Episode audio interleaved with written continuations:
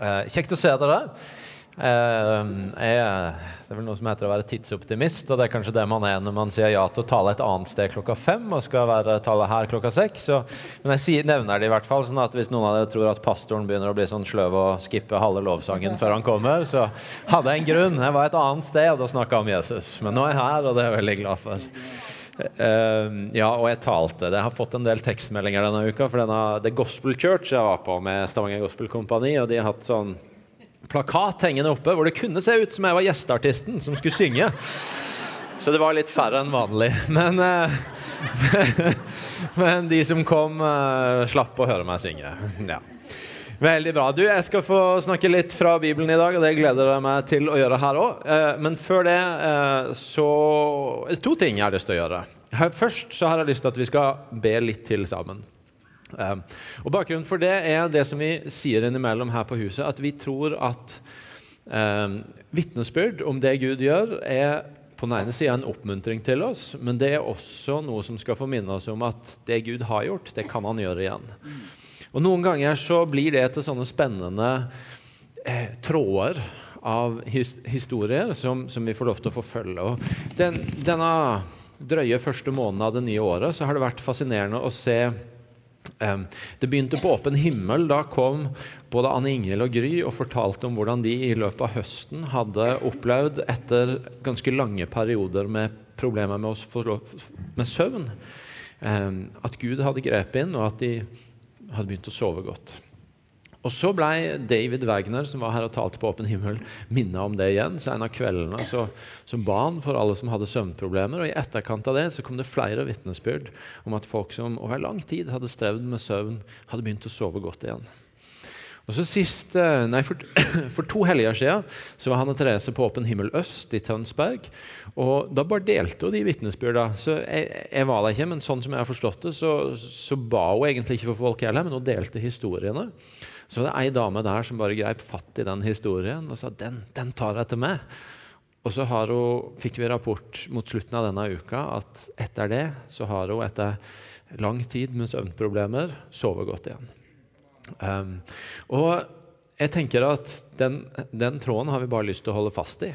Eh, fordi at eh, Jeg skal innrømme at jeg sjøl ble overraska når jeg så alle som reiste seg når David Wagner ba for oss. Og tenkte oi, dette er en stor greie for mange. Um, og, og, det ønsker vi bare fortsette å be inn i. Så um, hvis vi reiser oss alle sammen et øyeblikk Og så har jeg lyst til at du som av ulike grunner opplever at du har problemer med søvn, at du rekker ei hånd i været, og så har vi lyst til å be for deg. Veldig bra. Da gjør vi det sånn her i huset at dere som er rundt, som ikke rekker handa i været, hold handa i været til noen har kommet rundt deg og lagt handa på deg og vil være med og be for deg. Så dere som er rundt, og nå må dere i salen være litt aktive, for det er ganske mange, det er f.eks. en del på den sida, um, er med å legge henda på. Hvis du ikke er komfortabel med det å være med og be for, opplever det utrygt, så trer du litt til side, og så lar du noen andre få slippe til.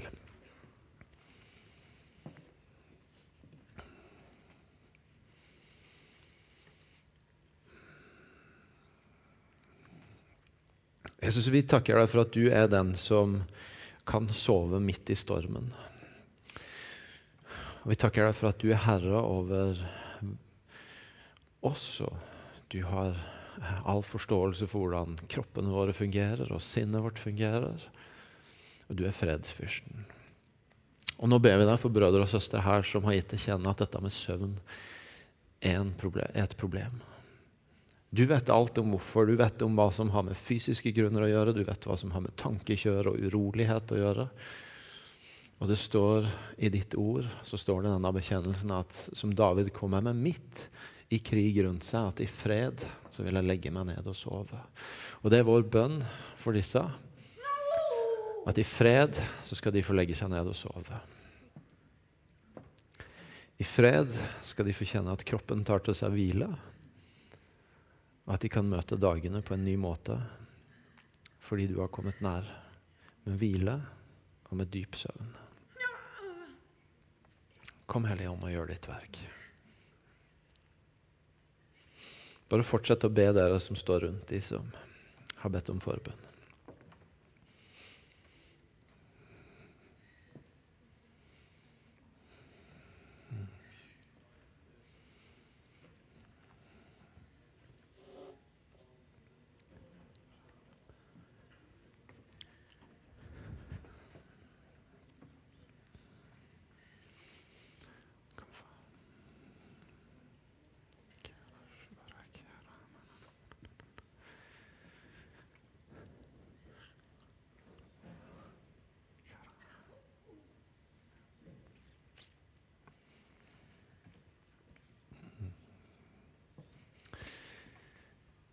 Hellige Ånd, for det du gjør nå.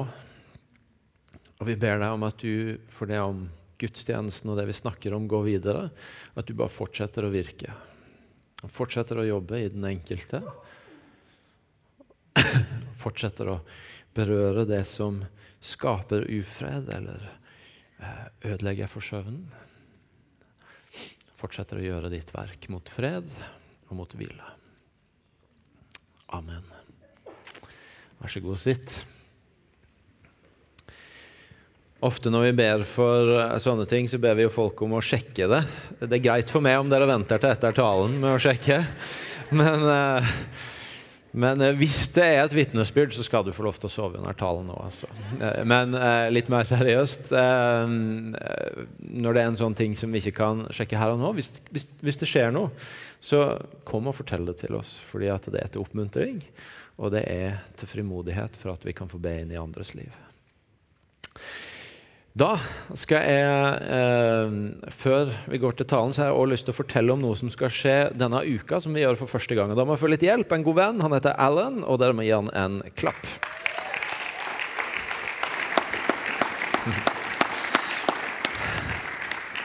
Alan, du er en stilig mann, og, på, eh, og du har nettopp hatt bursdag òg. Blitt I går. 43? 43. 43. Fantastisk. Og på onsdag så er du med å dra i gang noe som vi i hvert fall ikke i den formen har gjort før i IMI, nemlig et arrangement som heter Mandag opp. Mandag opp, hva er det for noe?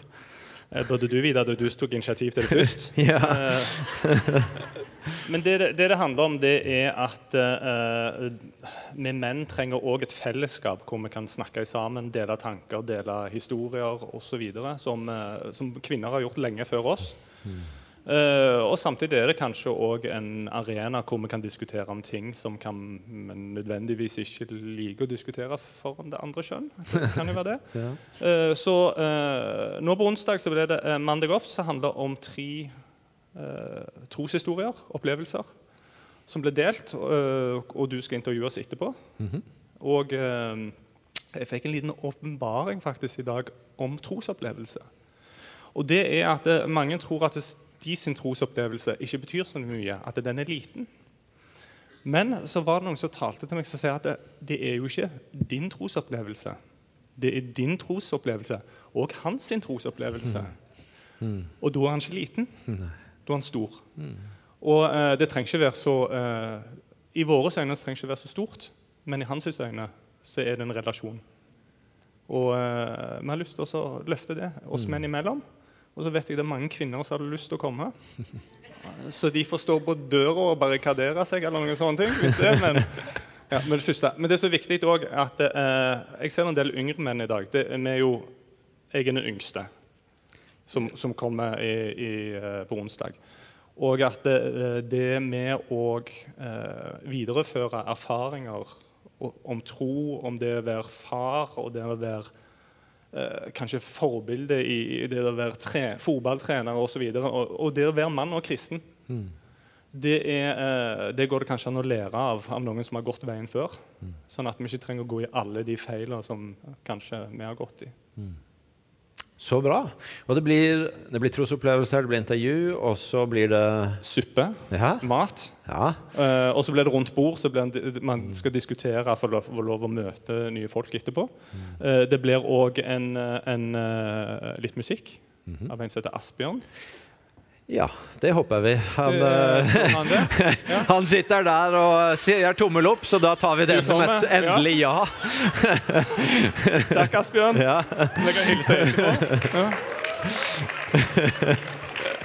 Men så er det viktig at siden det er mat og sånne ting, og at uh, Bjørn Kåre ikke skal sitte igjen med 100 porsjoner med suppe uh, hjemme i sitt uh, eget kjøleskap, så Det koster 200 kroner. Jeg tror det 100 kroner går til maten, og så 100 kroner går til misjonen. Så vi, blir, vi skal ikke ha noe av dette her. Uh, og dette er noe vi ønsker oss å gjøre igjen. Så, så, hvis dere ønsker å ha et forum hvor menn snakker sammen, så, så må dere komme. For hvis vi sitter der med 100 porsjoner suppe og to mann Eller vi ble iallfall fire. Ja. Så eh, Det blir hyggelig, det òg. Men ja. vi, vi, kan bli litt fulle av suppe. Ja. Så det er ikke ønskelig. Ja. Veldig bra. Takk, takk skal du ha. Det er ja, Klapp for Allan. Takk skal du ha. Det er, det er, du går inn på imekirken.no, og så melder du deg på der. Og så er det inne i Stavanger Forum på onsdag. Tror det kommer til å bli kjempefint. Klokken åtte på onsdag. Da er vi klare. Eh, Jeg tror at et av Guds store ønsker for meg og du, det er at vi skal få leve i tro. Og Det har jeg lyst til å forklare litt hva jeg mener med, og hvordan jeg tenker om. Eh, Jeg tror at Gud ønsker at vi skal få leve i tro.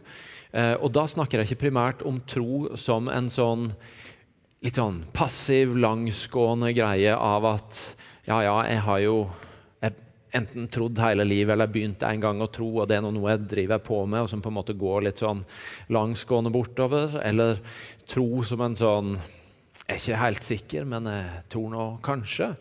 Men det greske ordet som oftest blir brukt i Bibelen når en snakker om tro, det er pistis. Og det er et ganske sånn aktivt ord, et ganske sånn, om du vil, framoverlent ord. Noen sier at det er på mange måter et handlingsord, sånn som det står på gresk. Og, og det er et ord som kanskje bedre kan i noen sammenhenger oversettes med tillit. At en velger å feste lit til, stole på, ha tillit til. Det kan i andre sammenhenger kanskje oversettes best med forventning. At en faktisk opplever at en har grunn til å forvente noe fordi at en har, et fundament for tro som gir en forventning om noe som skal skje. Og Forfatteren av Hebreabrevet skriver til og med i et ivrig øyeblikk at tro er full visshet om det vi ikke ser. Og jeg husker en gang jeg snakka med ei dame som Eller la meg si det først. Det er jo et sånn uttrykk det er noen ganger å snakke om at 'jeg vet at jeg vet at jeg vet'. at jeg vet. En sånn visshet som troen noen ganger kan bære med seg, som ikke, ikke betyr at du kan gi to pluss to er lik fire, to streker under svaret, og så har du beviset, men en sånn en visshet som er vokst fram av at sånn er det. Jeg husker en gang jeg satt med ei mor som hadde opplevd at et av hennes barn, etter å ha vært ganske langt på distanse fra tro ganske lenge, hadde sett at dette barnet hadde kommet tilbake i en levende forhold til Jesus igjen. Og vi som satt rundt, var begeistra for det og, eh, og feira det. Og så sier denne mora at ja, men jeg har visst det hele veien. Jeg har visst det hele veien. På mange måter så virka hun som den minst sånn eh, bege, Ikke begeistra blir feil å si, men den minst sånn spontant entusiastisk. fordi at eh, i hennes relasjon med Jesus og de samtalene hun hadde hatt med Jesus om, eh, om sine barn, så, så hadde hun bare fått en trygghet for at ja, men dette kommer til å ordne seg. Som gjorde at når det skjedde, så hadde litt sånn Ja, men dette visste jeg jo. Og tro kan være den der tilliten, den forventninga, noen ganger til og med en visshet. Og så har jeg bare lyst til å eh, ta, gå litt tilbake og presisere at, at jeg med det ikke mener at det nærmest er sånn at tro det er noe du bestemmer deg for på nytt hver dag, fordi at du må, du må, du må kjenne etter om du har denne tilliten eller denne forventninga eller denne vissheten. Et av de ordene som brukes i Bibelen om, om vårt forhold til, til Gud, det er jo at, at Gud stiger ned og ønsker å stifte en pakt med oss. Og Det er jo det som skjer, tror vi, i denne menigheten, i dåpen. At, at det er Gud som kommer til oss før vi kunne komme til han, og så går, inngår han en pakt med oss hvor han faktisk lover at 'jeg kommer aldri til å forlate deg'. Jeg kommer aldri, jeg, jeg, alt mitt er ditt, og jeg kommer aldri til å, eh, å trekke meg unna det. Og Det betyr at når vi, når vi velger å leve i den pakten, og når vi velger å på en måte gi livet vårt til Jesus og sier ja, det signer jeg opp for, så er vi i den pakten. Og, og, og det henger ikke på hva vi til enhver tid føler hver morgen, men det er en, det er en relasjon vi lever i. Hvis, hvis, eh, for å gi en illustrasjon med eh, eh, naturlig i vår tid, så er en av de eksemplene vi har på pakt, det er jo ekteskap, som er meint å være en pakt hvor når du gifter deg, så så sier han at skal, det er oss to til døden skiller oss ad. Og, og, og, for min del, med, med min kone, så vi har den pakten hvor vi har lovt hverandre at resten av livet så er det oss, og alt mitt er ditt, og alt ditt er mitt. Inntil døden skiller oss. Og så er det noen dager som er sånn blodet bruser og hjertet er varmt. Å, jeg kunne gifta meg med deg en gang til, for jeg er så glad i deg. Og så er det jo andre dager som det er ikke det tenker jeg på når jeg våkner om morgenen. Det er mer denne dagen skal vi også løse, og her er planene. Eh, og så Vi prøver å formulere dette på en måte som gjør at jeg ikke, ikke høres ut som en for kjip ektemann. men, men, men, det er jo sånn. Det, det er jo, men, men, poenget er jeg våkner jo ikke opp hver morgen og må ta en ny runde på skal, skal vi være gift i dag det, det, løftet er jo gitt for lengst. Det ja er jo gitt for lengst. Det På samme måte er det med relasjonen til Gud. Så, så, når jeg snakker sånn om tro, så er det ikke poenget at du skal få en sånn ja, 'Tror jeg nok i dag?' eller 'Kjenner jeg det sterkt nok i dag?' Det er bare at, at, at dette å leve i tro, det har noe sånn aktivt i seg av en tillit, av en forventning, noen ganger av en visshet, som jeg tror Gud ønsker for oss. Jeg tror En av grunnene til at Gud ønsker det for oss, det er at et I et liv i tro så ligger det masse frihet. Det ligger masse frihet. La meg gi deg et eksempel som kanskje kan forklare hva jeg mener med det. Et sånn veldig sentralt element både i livet og i troa det er jo hvor henter jeg og du verdien vår fra? Hvor er det vi henter inn en sånn trygghet på hvem er jeg, hva er jeg verdt, er jeg elska? Det er sånne ting som vi alle har et behov for å få lande. Og da sier Bibelen at jeg og du er skapt i Guds bilde. At vi er villa av Gud sjøl, at Gud skapte oss i sitt bilde og så at det var godt. Bibelen sier at Gud er en Gud som faktisk jubler og fryder seg over det. Bibelen sier at Guds kjærlighet til meg og du er så sterk, så høy, at han var villig til å sende sin egen sønn til å dø for oss, for at jeg og du skulle ha liv og kunne ha et vennskap med han. Det er ganske sterke budskap om hvorfor, du, jeg og du, er, hvorfor jeg og du har en verdi. Hvorfor vi kan kjenne en trygghet på at ja, men selvfølgelig er det vits i at jeg er her. Selvfølgelig har det en verdi at jeg er her. Jo, jeg ville av Gud sjøl, skaperen av alle ting. Jeg elska han. Han var villig til å gi sitt mest dyrebare for å vise sin kjærlighet til meg. Og der, fra den strømmen, kan jeg hente min identitet, kan jeg hente min trygghet på at jo da, jeg er verdt noe. Jeg kan selvfølgelig også hente min verdi fra andre stemmer og på en måte begynne å søke rundt meg. Og så kan jeg hente verdien min i, i det jeg får til, i det jeg lykkes med. Jeg kan hente verdien min i, i uh, hvordan jeg ser ut, i hvor mye penger jeg har, i hvor mange venner jeg har, osv. osv. Og det kan i faser av livet gå veldig bra. Det, det kan funke veldig bra. Det, for det er faser av livet hvor det er mange ting som kan gå bra, og du kjenner at ja, her, her er det mye å hente. Men så kommer du også til faser i livet hvor det ikke flyter like greit. Og så oppdager du at når du har bygd verdien din på de tinga du sjøl klarer å hente inn i form av hva du fikk til, hvor mye penger du hadde, hvordan du så ut, hvor mange venner du hadde De, de tinga må du også opprettholde sjøl. Den verdien og egenverdien du har bygd sjøl, må du også opprettholde sjøl. Og Da begynner kanskje det som føltes som en frihet. Jeg er min egen mann. Jeg kan, jeg kan, jeg kan godt vise at jeg er verdt noe, at jeg betyr noe. Det som begynte som en sånn frihet, det blir plutselig neste omgang noe du er slave under. Fordi at du må opprettholde det sjøl. Og du blir avhengig av din egen innsats for å leve i det sjøl.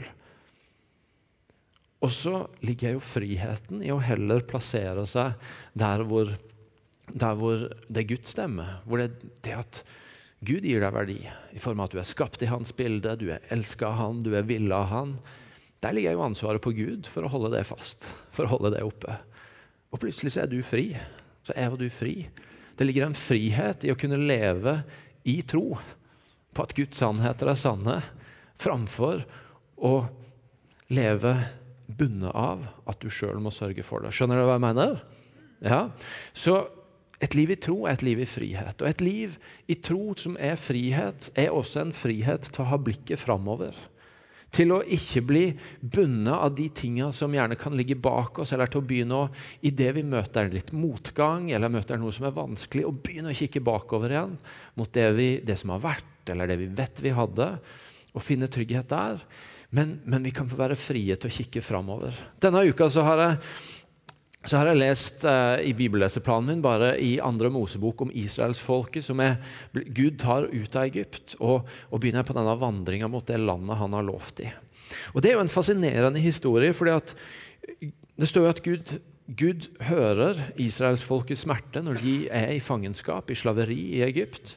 Og så står det om hvordan han eh, kaller Moses og sier at det er Moses som skal lede de ut. Og så går Moses og farao i Egypt inn i denne dialogen hvor Gud gjør noen ganske ekstraordinære, ganske spektakulære undere for å se at israelsfolket skal få lov til å reise ut av Egypt.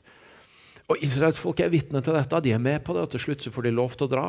Og Så kommer de jo i denne situasjonen hvor farao allikevel angrer, og de har egypterne bak seg på jakt etter dem, og de har et svært hav foran seg. Og så kommer dette enda et mirakel når Gud deler havet. Og så lar han de gå tørrskodd igjennom. Og så lukker han det igjen etterpå, og så er de trygt på andre sida uten forfølgeren etter seg. Og Du skulle tenke at wow, israelsfolket har opplevd nå så mye med Gud at de kan trygt ha tillit til det som ligger foran. Men det som skjer er jo at når de er på den andre sida, havet er bak dem, og retninga kunne være mot det landet Gud vil gi dem, så Nei, men hva skal, vi, hva skal vi spise her, da? Hva skal vi drikke her, da? Og så står det i 2. Mosebok 16,3, først om dette med mat. Om vi bare hadde fått dø for Herrens hånd i Egypt, da vi satt omkring kjøttgryten og spiste oss mette. Men nå har dere ført oss ut i denne ørkenen for at alle vi som er samla her, skal dø av sult. De begynner å kikke seg tilbake igjen. De begynner å tenke på, de levde i slaveri, i fangenskap i Egypt. Men, men, men, der var det i hvert fall noen kjøttgryter de kunne spise av til de døde. Men her vet de ikke hva de har. Og I kapittel 17 så er det det samme med vann.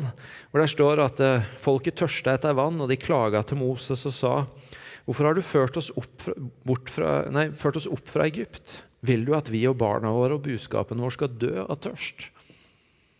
Igjen Egypt kikke tilbake mot det de hadde. En skulle tro at israelsfolket hadde opplevd nok til at det hadde bygd en tillit til dem, til at hvis Gud har tatt oss hit, så klarer han nok å sørge for det som ligger foran også. Men der er det ikke. Og fordi de ikke har den tilliten, lever det livet i tro, så begynner de å kikke seg bakover. Og Noe av det som ligger i den friheten som finnes i et liv i tro, er at vi faktisk får frimodighet til å kikke framover og tenke at den Gud er, det han har gjort i mitt liv eller andres liv, de løftene som står i Bibelen, de har en tillit til, de har en forventning til, som gjør at selv om det som står foran meg nå, enten det er lett eller vanskelig, så, så tror jeg at han har en vei i det.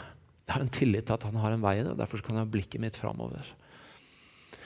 Og jeg sier ikke at du er nødt til å leve i tro for å kunne se framover. Men det jeg sier er at når livet blir vanskelig, og du ikke bare kan drømme og tenke ut fra de ressursene og mulighetene du har, og den medvinden du er i, men, men, du begynner å fighte, så er det ganske mye vanskeligere å ikke begynne å kikke deg bakover hvis ikke du har noe annet enn deg sjøl å lene deg på. Hvis du ikke kan få leve i en tro som gir en frimodighet og en forventning om at det er en vei framover. Jeg kan få kikke framover. Og bare for å gi dere et eksempel, og Jeg har nølt litt med om jeg skal si dette, her, for jeg vil ikke at dere liksom skal misforstå det og føle at dere må, eh, må, føle omsorg for meg. for det er ikke poenget, det er bare en illustrasjon. Men eh, sist, eh, sist, høst så fikk jo jeg gleden av å overta ansvaret for å lede IMI etter Martin, som har gjort det i 39 år. Fantastisk mulighet. Wow, for en mulighet til å være med og skape og til å eh, Så mye spennende som skjer ut fra dette huset, og få være midt i hjertet av det og tenke på hva som kan skje framover. Og så og så, og så, er det jo også en sånn Ok, men det er jo et stort ansvar òg. Kommer det til å gå bra? Kommer jeg, til å, kommer jeg til å finne ut av det? Og så, Senest forrige uke så hadde jeg noen som dro den der eh, Ja, men du vet, eh, de fleste som har hoppa etter Wirkola, har hoppa lenger enn han. Som er en sånn kul måte å si 'ikke bekymre deg', det går bra, vet du. Det går alltid videre. Og det er jo kult sagt, og det er en kul saying.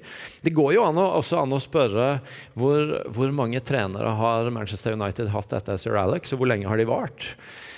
Og nå ble det like stille som på G11. Og det betyr at alle ManU-supporterne ble ganske sure. Men det var bare faktainformasjon. Det var ingen dissing. Jeg sa ikke noe stygt om laget deres. Det var ren faktainformasjon, men det er sikkert mange av dere som har stor tro på Ole Gunnar. Poenget mitt er bare et lite eksempel på at hodet vårt kan jo dras i forskjellige retninger. Jeg kan, jeg kan plassere meg på et sted som gir næring til at wow, ja, men tenk alt det Gud har gjort så langt i historien. Tenk de løftene han har gitt. Tenk det han har sagt over i meg. Tenk det han har talt over mitt liv. Wow, selvfølgelig! dette er jo kjempespennende. Jeg kan også plassere meg på et sted hvor jeg gir næring til Nei, men det, det, kan ikke bli bedre enn det er nå. Den, på et eller annet punkt så må det jo stoppe opp. På et eller annet punkt så, så kan det ikke bare fortsette å vokse og være nye muligheter. Jeg må ta noen valg på hvilke ting jeg vil lytte til. Etter om jeg vil leve i tro og ha et frimodig blikk framover, eller om jeg vil begynne å bli defensiv og kikke bakover. Og Det kan brukes på mange ting i livet. Og, og, eh, og det handler på den ene sida veldig mye om hvem han er, og det han gjør. Men det handler også noe om hvor vi plasserer oss, og hvilke ting vi tar inn. Som hjelper oss til å leve et liv i tro, forstått som tillit, forventning, noen ganger visshet. Og så har vi, I disse ukene her så snakker vi spesifikt om det med penger, forvaltning, de materielle ressursene våre. og Det er siste gangen i dag. Eh, og eh, det kan av og til bli litt lett for når vi snakker om det, at det er litt sånn Jesuslivet og alle de greiene med Jesuslivet de er her, og så, og så, er det jo det med penger. Det står det en del om i Bibelen, og i tillegg så, så må jo de kristne greiene også ha penger, så vi må snakke om det òg. Og så blir det litt sånn et, e, en egen sånn bås som du må innom innimellom. Men, men, Guds vilje for ditt og mitt liv i forhold til pengene våre, i forhold til hvordan vi forvalter ressursene våre, er jo at vi skal få leve i tro der òg. Det er jo ikke et sånt eget isolert kott vi av og til må åpne opp og kikke litt inn i, fordi det står noe i Bibelen om det. Men det er jo, det er jo, det er jo en del av Jesuslivet, det òg. Det er jo ikke et sånn egen greie, men det er midt i alt det andre med Jesuslivet. Og i forhold til det jeg har brukt første del av talen på å snakke om i dag. Akkurat som Jesus ønsker et liv i tro for oss, med identiteten vår, med framtida vår. Hvis du kanskje har noe dritt bak deg med, med, et liv i tro i forhold til tilgivelsen du har vist, så ønsker han jo at jeg og du skal få leve et liv i tro i forhold til ressursene våre, i forhold til pengene våre. Og det handler om i hvert fall to ting. For det første så handler et liv i tro i forhold til ressursene våre om denne tilliten til at Gud er en Gud som forsørger oss. At han er en god far som sørger for oss. Det står i noen veldig kjente vers i Matteus kapittel 6 om dette med å ikke være bekymra. Eh, jeg skal lese to av de versene i Matteus 6. Det står at Det står i kapittel 6 vers 25 Vær ikke bekymra for livet, hva dere skal spise eller hva dere skal drikke, heller ikke for kroppen, hva dere skal kle dere med. Er ikke livet mer enn maten og kroppen mer enn klærne? Og så står det litt mer, Vi skal ikke lese alt, men i vers 30 så står det Når Gud kler gresset på marken så fint, det som gror i dag og kastes i ovnen i morgen, hvor mye mer skal han ikke da kle dere, dere lite troende? Ikke vær bekymra for det materielle sier Jesus. For Gud, skaperen av alle ting, hvis han sørger for hele resten av skaperverket, og han har skapt dere i sitt bilde og så at det var godt, kommer han ikke da til å forsørge dere? Hvis han er en god far, som har villa dere helt fra starten av, og han sørger for alt det andre skapte, han kommer jo til å sørge for dere òg. Og Gud ønsker at vi skal få leve i en sånn tillit til at ja, men han er min forsørger. Og jeg skal få slippe å bruke energien min på bekymring. Men jeg skal få leve i tillit til at min far i himmelen er også min forsørger. Og um, det er som heter Corrie Ten Boom, som, som, har sagt noe sånn som at bekymring det er å bruke av dagens krefter på morgendagens problemer. Det er utrolig lite produktivt, for de fleste av oss de trenger det vi har av krefter og fokus for i dag, til det vi møter i dag. Og det kommer lite ut av å svi av dagens energi på det vi uansett må face i morgen. Så Jesus sier ikke bekymre dere, ikke bruk opp energien deres på det. Men lev i tillit til at du har en far som vil forsørge deg. Det er ikke et løfte om at du alltid har masse, om at du alltid lever i velstand. Paulus sitt bilde av å leve i den tilliten det er at han sier at 'jeg vet hva det er å ha veldig lite', og 'jeg vet hva det er å ha veldig mye'. Og i alt har Gud vært trofast. Så, så, det, så det, er et, det, er ikke et, løfte om at alt alltid er rett fram, og at du alltid har mer enn du trenger. Men, men det er et løfte om at ja, men, lev i tillit til Han. Han har en vei, og han vil forsørge deg på en eller andre måten. Og jeg tror en av de tingene vi snakker om å undervise på dette huset, det er det som vi møter i Bibelen eh, med tiende. Som et, ikke som en lov, ikke som noe du skal ha noe som dårlig samvittighet rundt, men som et bibelsk prinsipp, så underviser vi det. Og i Bibelen, så, Når vi leser om det med å gi tiende, altså gi 10% av de tingene en får inn, tilbake til Gud, så, så er det en ting som står kobla til det, og det er at en gir det av førstegrøden. Altså en gir det av det første. En, en, en, for, for, de sin del, Dette er jo skrevet i en annen tid og i en annen økonomi. for de sin del, Det første av det de høsta inn av avlingene sine, så begynte de med å gi førstegrøden, den første tienden, tilbake til Gud. Og jeg tror det prinsippet det handler veldig mye om at Gud ønska å skape en ordning som hjalp de, og som hjelper oss, til å leve i tro. Fordi at de inviteres til å ikke vente til å se, ta inn avlingen og sikre at de har alt de trenger, og alt på mulig vis. Og det som blir igjen, ja, men det kan jeg gi tilbake til Gud. Men de inviteres til å begynne med å feste sin lit til Han ved å begynne med å gi det første til Han. Og Derfor er det sånn i mitt liv at det første som skjer automatisk på min konto når lønna mi er kommet inn, det er at givertjenesten min går ut igjen. Fordi Jeg ønsker ikke å vente og se hva som ble igjen når jeg hadde tatt alt det andre. Men jeg ønsker å begynne med å plassere meg sjøl der. At ja, men du er min forsørger, far. Og, og, jeg lever i tillit til det. og Derfor så begynner jeg med å gi tilbake til det. Det handler om å begynne med å leve i tillit. Og Hvis du går til Det nye testamentet og de første kristne, hvor der står om, der står det jo enda mer radikalt. ikke sant? At de, de troende de holdt sammen og hadde alt felles. Der er det ikke tiende, der er det de delte på alt. Men igjen så er det jo dette prinsippet av tillit. At du velger å ikke vente til du har sikra deg på alle hold, men du velger å begynne med å plassere ressursene dine sånn at du lever i tillit til Han som forsørger. Og la meg si det bare kort, at i begge de to tilfellene så, så er det jo sånn at eh, i, i, i, eh, når, det, når, det, står om tiende, så står det om, om, å gi tiende til farshuset, til det huset du er en del av. Og i, og i Det nye testamentet, med at de troende holdt sammen og hadde alt felles, så er det jo til det fellesskapet de er en del av. De deler alle sine ressurser. Og Det tror jeg gir en ganske sterk føring for oss om at, om at dette startpunktet for å gi tilbake og leve i tillit, det handler om å gi til det fellesskapet en sjøl er en del av.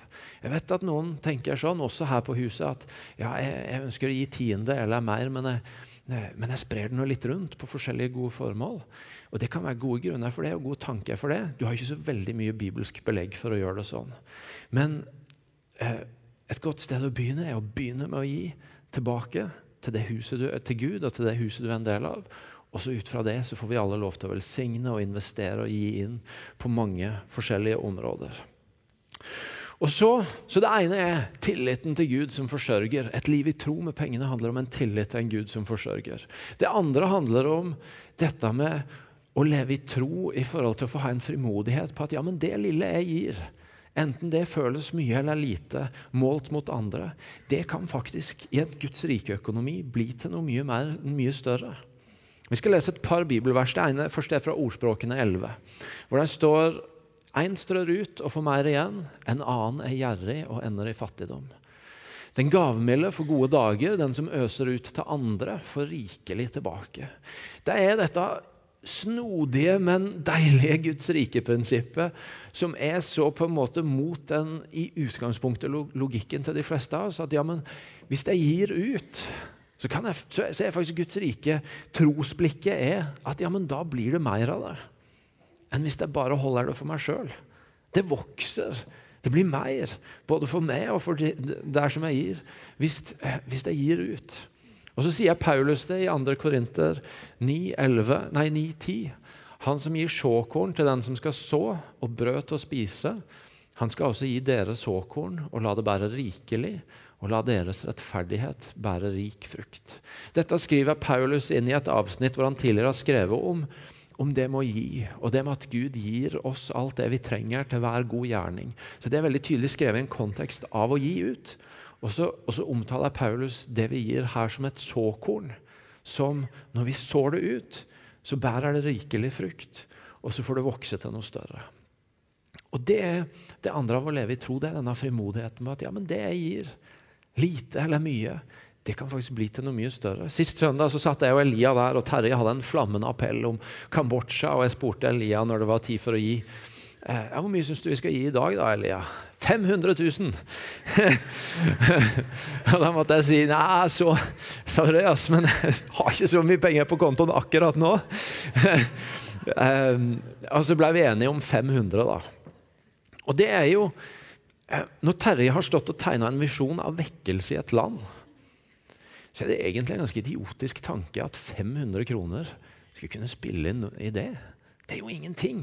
Altså, det kan føles mye der og da, men, men, men, det er jo ingenting. Og så skal jeg få lov til med trosblikk tro at ja, men det kan, sammen med det, fordi jeg er en del av en gjeng andre, men også fordi Gud velsigner det, så kan det faktisk bli til noe mye større. Eller for å dra det litt lengre min, min familie gir litt over 110 000 i året til IMI. Og Det sier jeg ikke for å skryte. Jeg sier det, jeg, jeg, jeg gjør ingenting av å være åpen om det, fordi at jeg skal vite at når jeg utfordrer dere, så, så er det ikke noe annet enn et liv jeg lever sjøl. Um, ehm, og det, det, kan for noen av dere høres lite ut, og for andre høres veldig mye ut. Um, det, det, er der vi er. Det er ikke noe jeg skryter av, og det er ikke noe jeg skammer meg over, men det er der vi er på vår reise med å leve sjenerøst. Men for det om det kan være et tall som isolert sett kan høres litt mye ut. Hvis du tenker over det, hvis visjonen er å se Stavanger forandra, se, se, at Stavanger skal se Guds godhet tilgjengelig, så er det jo egentlig igjen helt latterlig å tro at den summen der skal over, over tid kunne bety noe som helst. Altså, det, er ikke, det, er ikke, nærheten av nok til å lønne ei stilling eller til å finansiere et hus eller til å holde veldig mye av det vi holder på med, gående. Det, det er kanskje nok penger til å gjøre et stunt eller to, men, men å tenke at det skal i forandring i Stavanger. Det er i seg sjøl en idiotisk tanke. Men sammen med andre og med et perspektiv av en tro, en tillit og en forventning til at Guds løfte om at såkornet jeg sår, skal få bære rikelig frukt, så kan jeg få leve i en tro om at det min familie har mulighet til å gi, det kan være med å forandre en by, og det kan være med å forandre et land. Og Det er noe av den også troa vi skal få leve i i forvaltning av pengene våre. At ja, men enten jeg gir mye eller lite, det kan få ha en mye større betydning når det gis ut. Og La meg igjen bare backe opp og sikre meg at dere ikke hører meg helt feil. fordi at det, det med å snakke om tro og penger, det kan. Det kan også litt etter hvilken bakgrunn en har, så kan det skape noen feil assosiasjoner. Jeg, jeg, jeg står ikke og forkynner det som er kjent som herlighetsteologi. At tro er lik penger. Det betyr at jeg tror på ingen måte at din tro kan måles i hvor mye penger du har. Og at hvis du har mye penger, så er det et vitne om din, din, sterke tro. Og På samme måte så kan det finnes andre sånn tankeretninger som nærmest går i motsatt ende og sier at det er når du har lite penger, at du, at du virkelig demonstrerer tro. At det er når du på en måte lever det der nøysomme, nøkterne og har veldig lite, at det er en demonstrasjon om tro. Jeg, jeg Troa vår kan ikke måles i hvor mye eller hvor lite vi har. Troa vår handler om hvordan vi forvalter det vi har, enten det er mye eller lite. Og Paulus han sier jeg har hatt både lite og mye, men i alt det så levde jeg i en tillit til Gud.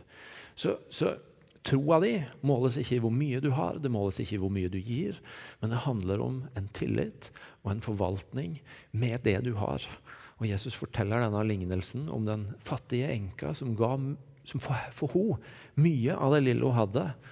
Og han roser henne for hennes tro og for hennes gavmildhet, helt uavhengig av mengden.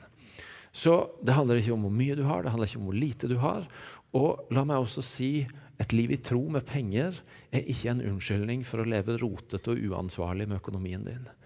Det er ingen tillatelse til å si at jeg bryr meg egentlig ikke om hva som kommer inn og ut av kontoen min, for jeg lever bare i tro til Gud.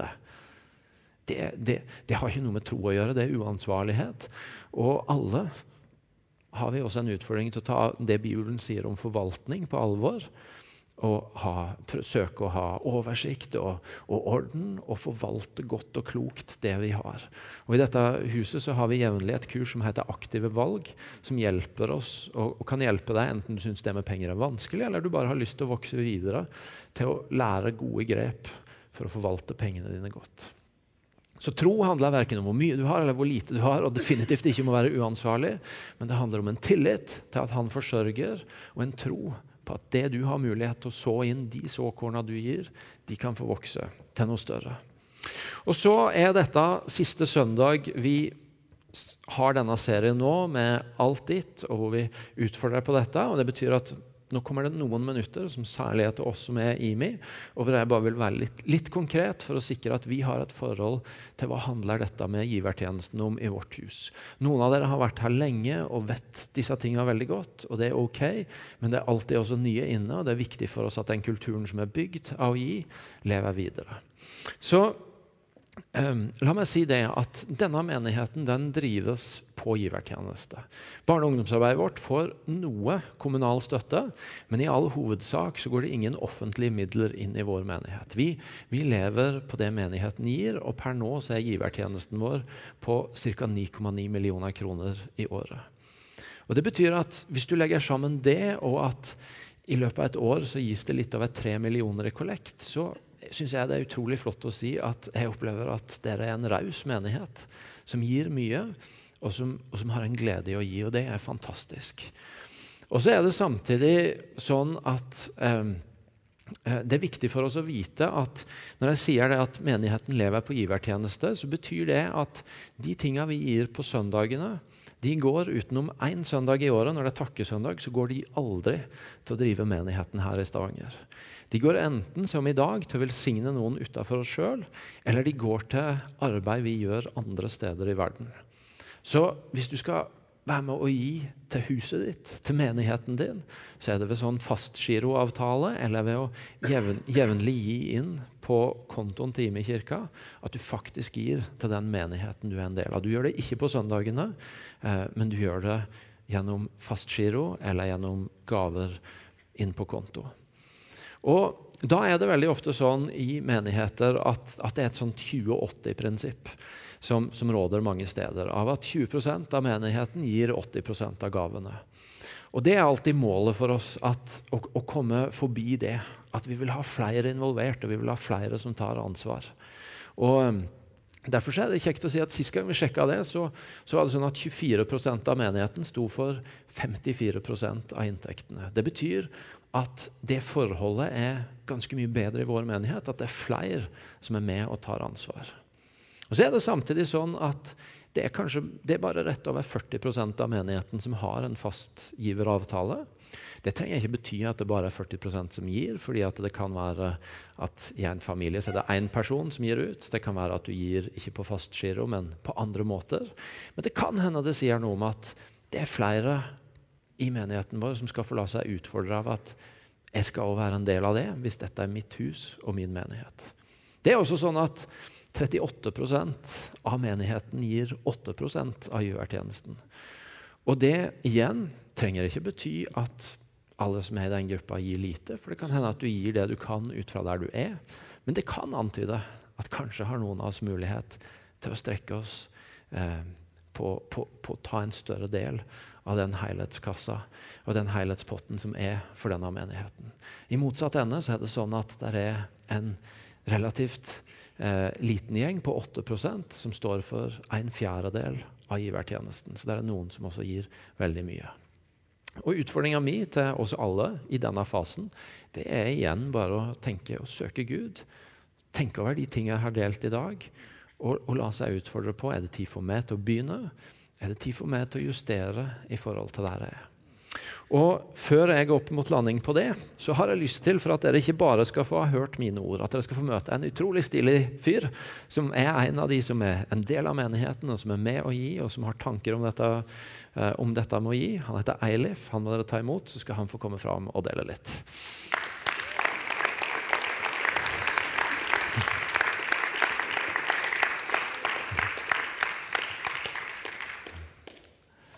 Først av alt så har jeg lyst til å takke deg. Eh, vi har en utrolig modig pastor eh, som er konkret, tydelig, eh, ærlig.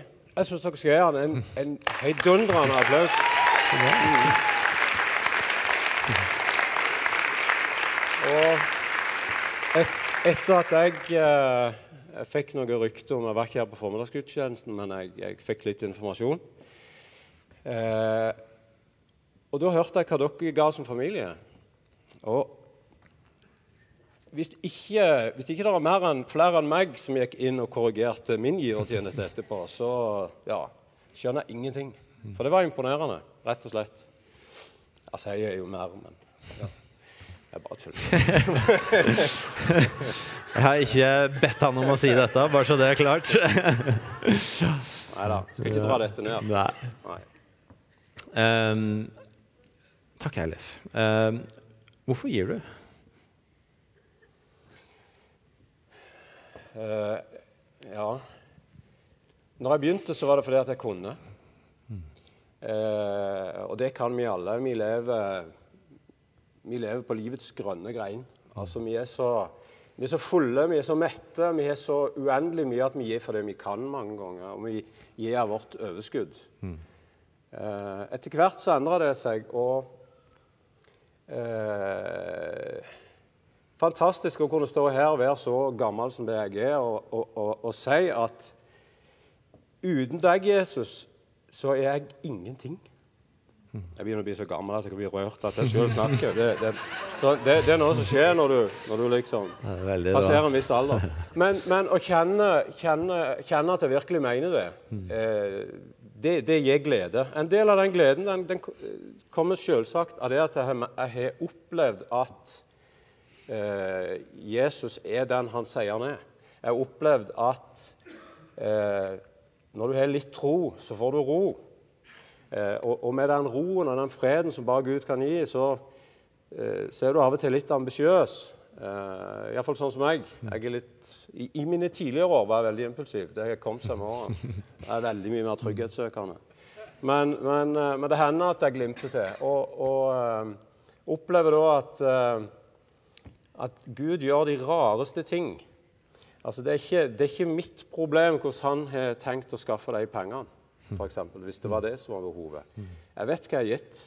Jeg vet hva han kan gjøre. Eh, og så er det veier for Gud som er helt spesielle. Jeg vet ikke om jeg prater meg vekk nå, men, Nei. men, eh, Nei, det er veldig, veldig bra. Si veier, ja, sier de. Eh, Eilif, eh, fordi at det, det jeg tror jeg hører hos deg, er en sånn uh, veksling mellom det å ha en sånn plattform av å gi fast, og det du velsigner ut og blir ledet av Gud til, eller får et hjerte for. Eh, Den delen av å gi fast til menigheten først, er det en sånn ting du bare gjør, eller er det noe du må ta opp til forhandling innimellom om skal jeg fortsette? Nei. Det er aldri oppe til forhandling. Eh, Det er en god ordning. Altså, Vi er alle forskjellige. Og, og eh, jeg vokste opp med en far som, som fikk lønninga si i sånn en smal pose. Og så sitter han og så, så la han de forskjellige bunker, og så spør jeg hva, hva, hva er den bunka? Ja, det var tienden, sa han. Og for en, for en eh, Hva skal du si eh, karakter du må ha. Altså, det er lett for meg. Bare gjør det samme som det du gjør. Altså, Pengene forsvinner ut med en gang de er kommet inn. Eh, Timekirka har gjort det fordi det er et godt eh, hva skal du si, det er en god ordning for meg. Jeg trenger ikke forholde meg til de pengene i det hele tatt. De er vekk. Men han måtte faktisk han måtte sitte og se på de pengene til de var vekk, selv om han egentlig hadde bruk for dem. Og det, det er klart at det eh, Ja, det gjorde nok inntrykk. Så, så, så ifra den dagen jeg, eh, jeg husker når jeg begynte med fast givertjeneste her, det var faktisk når vi skulle bygge bygg. Eh, og før det syntes jeg det var litt stas å, å, å legge opp i kollektkorga. Jeg må innrømme det. Jeg er en av de som på en måte så det godta meg litt når jeg har lagt noe opp i kollektkorga. Eh, så der, der har dere meg. Plukk råden, egentlig, innerst inne. Men, men eh, Og det, den, den eh, Det å være med og, som en, som en aktiv, aktiv eh, på en måte bidragsyter i, i, i det over, over noen år, så gikk jo den perioden over, og så fortsatte jeg bare som Ja. I kjølvannet av det. Ja. Eh, og så fornemmer jeg at du sier noe om at så, så har du også denne impulsive sida av at Gud minner om, eller du får for deg noe. Kan du si litt mer om hvordan det ser ut? Ja. Du, det er litt todelt, for, for uh, av og til så, så, uh, så kommer vi i situasjoner der uh, du ikke trenger at Guds stemme skal fortelle at det er et behov. Du kan se at det er et behov. Eh, og da tenker jeg òg at vi som, som kristne, gode medmennesker har et ansvar. og, og rett og slett uh, gjøre noe med det behovet, hvis vi kan. Og som regel kan vi. Uh, og så har du de tilfellene der uh, som, som, som, på en måte krever at, uh, iallfall for, for min del, at, at, jeg er på en måte påkobla og, og, og, er villig på en måte til, å, til å, å, anerkjenne den lille tanken, den stemmen som kommer. Der du blir utfordra kanskje konkret på å hjelpe noen med, med, med et beløp eller sånn. Eh, og, og, dette det vil jeg jo bare si, dette, dette handler om trening. Altså det, det, er, det, faktisk, det handler litt om trening å være god til å gi vekk. Mm.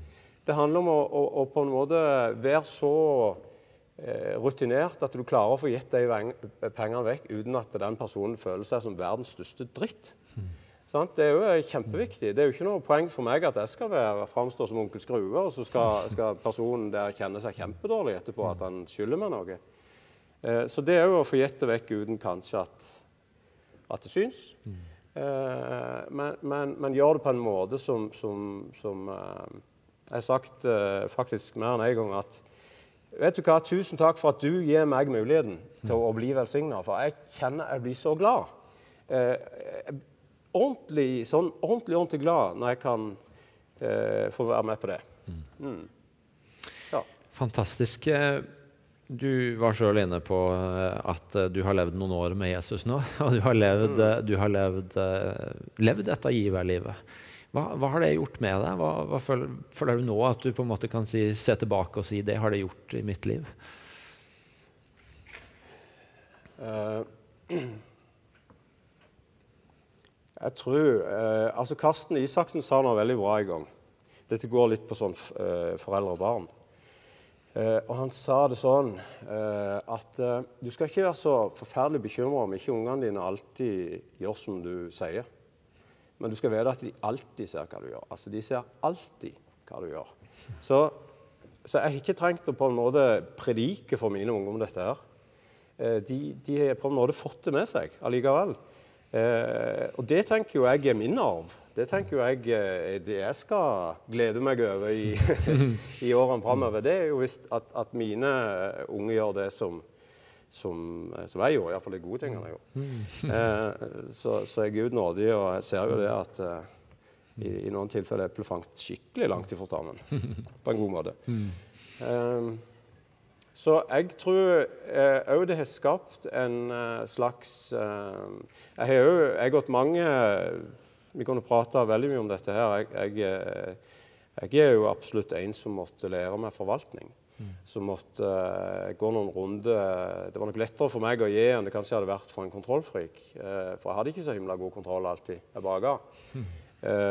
Men etter hvert så, så, så er du ansvar for familie og en større bedrift. og da kan ikke holde på sånn? Mm. Så, så det, er, det, er mange gode på en måte sånne avarter av å få vært en del av det. Um, så er det ikke minst så vil jeg si at i mitt liv så eh, I mitt liv med Gud så er det en av de tingene som har vært eh, gjenstand for stor glede. Mm. Eh, der jeg virkelig på en måte kan få kjenne på den der eh, ekte gleden over eh, ja, over, å kunne få være noe for noen andre, om de vet hvem jeg er eller ikke. Mm. Mm. Nydelig. Eh, er det noe jeg ikke har spurt deg om, men som du har lyst til å si? du, du, du, nevnte jo om, om, jeg hadde en historie. Ja. Og jeg har, jeg har, faktisk en hel del historier, men jeg kan ta én. Og mm. jeg skal ikke gå veldig langt inn i skattetekniske ting og, og, og, og sånn. Men eh, i sum så, så, så, hadde jeg eh, hadde solgt et firma som hadde starta. Eh, det var veldig mye rot med dette regnskapet fordi han som, som hadde ført regnskapet for meg, han, han eh, hadde kort og godt bare tatt fingeren i været hver måned. Han, han, var, han ble fengsla for eh, underslag og alt mulig rart, så han, så han, hadde ikke kontroll på noen ting. Så når dette ble, skulle selges og det ble rydda opp i, og alt sånt, så var det mye styr. Det var mye styr. Eh, jeg, eh, vi hadde just kjøpt hus på Randaberg. Det hadde vi revet aldeles i fillebedet. Eh, Altså moren min, når hun kom, så bare begynte hun å grine og snudde og ville ikke være der. Så, så, det var på en måte litt sånn Det huset vi bodde i, mm. pengene vi skulle bruke til å fikse opp, de var jo brukt opp for lengst. Så det var ikke sånn at det var fett på noen mm. måte. Mm. Så i dette her, da, så eh, skal vi ha ferie. Jeg tror det har vært i 98. Sondre var nyfødt. Noe der omkring. Iallfall så får han telefon fra den nye eh, regnskapsføreren som, som skal, skal, være med og rydde opp i dette. Og så du eh, en litt dårlig nyhet. Du kommer til å få 200 000 i restskatt. Og eh, all den der mobiliseringa for å på en måte holde gode miner slett spill gjennom den perioden som hadde vært før, eh, det var bare så lufta gikk helt ut. Altså, jeg, jeg, jeg eh, Jeg tok det virkelig inn, skal vi si det sånn. Eh, og eh, Siri, som jeg er gift med, hun, hun hadde ikke fanari hva det gikk i. Og jeg orka på en måte ikke å legge det på henne heller. Men hun så hvor sliten jeg var, hun, og, og, hvor nedtrykt jeg var. Så sier hun til meg Ja, ja, nå får du lære det du lever. Nei, nå får du leve det du lærer. Så der fikk jeg den. Eh, men det gjorde jeg. Så jeg eh, ba en enkel bønn og sa jeg, jeg aner ikke, Jesus, hvordan du har tenkt å løse dette. Jeg har virkelig ingen idé, men jeg takker deg for at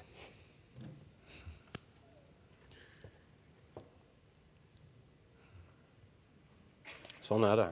Bare vent. Eh, jeg takker deg for at du har tatt eierskap til problemet.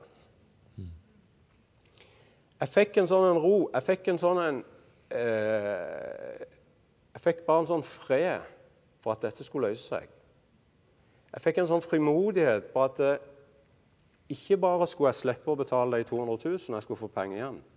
Og Dette er det selvfølgelig naturlige forklaringer på, og det er gode skatteadvokater, og det er veldig mye rart involvert her. Men jeg sier til Jesus jeg takker deg for det at jeg skal få penger igjen på skatten.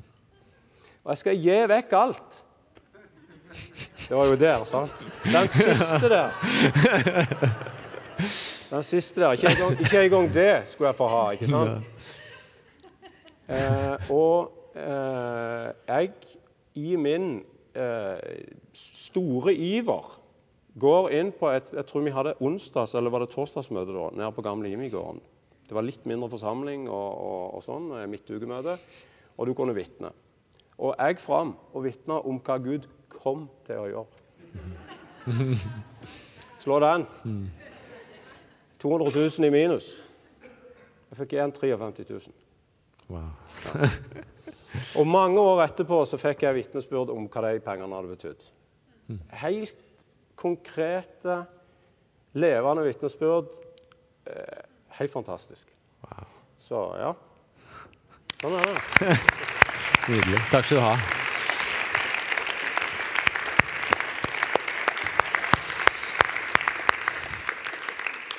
Tusen takk, Eilif. Så oppmuntrende hadde egentlig ikke lyst til å stoppe. for Han sa så mye bra. Jeg har lyst til å fortsette å høre. Men jeg ser jeg har holdt på en stund, så vi skal avrunde. Eh, lovsangstimen kan gjøre seg klart. Eh, Gud ønsker et liv i tro for oss. Og for penger så handler det i hvert fall om en tillit til at han forsørger, og en tro på at det vi gir, det som er våre såkorn, kan få større betydning. Og så har jeg gitt en veldig konkret utfordring på at det for oss som er en del av IMI, også har noe å si for våre liv. Og nå kommer jeg til å be en bønn og invitere Den hellige ånd, og så kommer jeg dit og spille litt. Og så ønsker jeg at du skal få mulighet til å være litt stille og reflektere, og gjerne spørre Gud hva betyr det for mitt liv. Um, hvis du tenker at det er noe du skal gjøre noe med, så kan du gjøre det så enkelt som å gå inn på telefonen din imikirken.no med nyknappen 'gi', og så er du rett inne på det her hvor du kan opprette fastgiveravtaler. kan være at du har behov for å snakke med noen andre i familien din eller sjekke noen ting, og det er helt ok. Jeg vil bare minne om at spesielt på dette området så er det veldig lett å ha gode intensjoner som blir glemt når det kommer andre ting inn i morgen og dagen etter. Så jo raskere du handler, jo, oftere, jo større er oftere sjansen for at det blir noe med det. Um, Gud er en god forsørger, og vi kan ut fra det få ha en frimodighet på å gi og tro at han både vil sørge for oss og skape noe med det vi gir. Så Hellige Ånd, jeg inviterer deg til å komme nær her akkurat nå. Og jeg inviterer deg til å skape tro i oss på at vår Far vil forsørge, og på at det vi gir, vil bære frukt. Og så inviterer jeg deg, Hellige Ånd, til å komme nær den enkelte av oss og tale til oss om, om, om, hva dette har å si for våre liv. Om det er tid for å ta noen nye steg, om det er tid for å eh, strekke seg videre i raushet. Om det er noe du ønsker å sette oss fri fra av bindinger knytta til penger. Hellige Ånd, kom og møt oss, kom og tal til oss. Kom og veiled den enkelte av oss. Skal du få være litt stille og lytte til Den hellige ånd sjøl.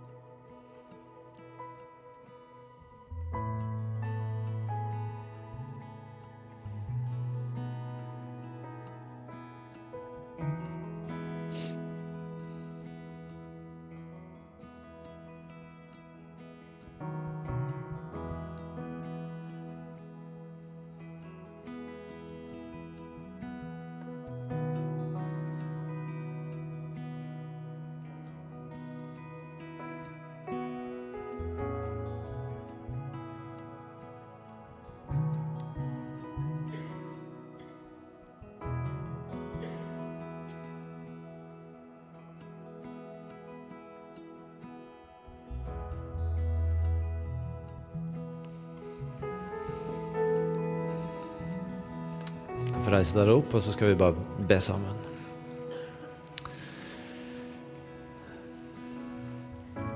Far, takk for at du er vår forsørger.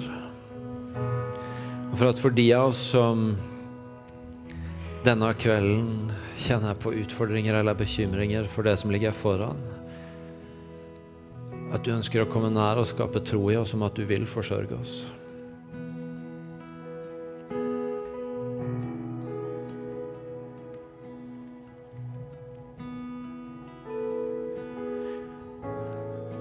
Far, takk for ditt rike, som er så annerledes at vi kan få tro at det vi gir, blir til noe mye mer.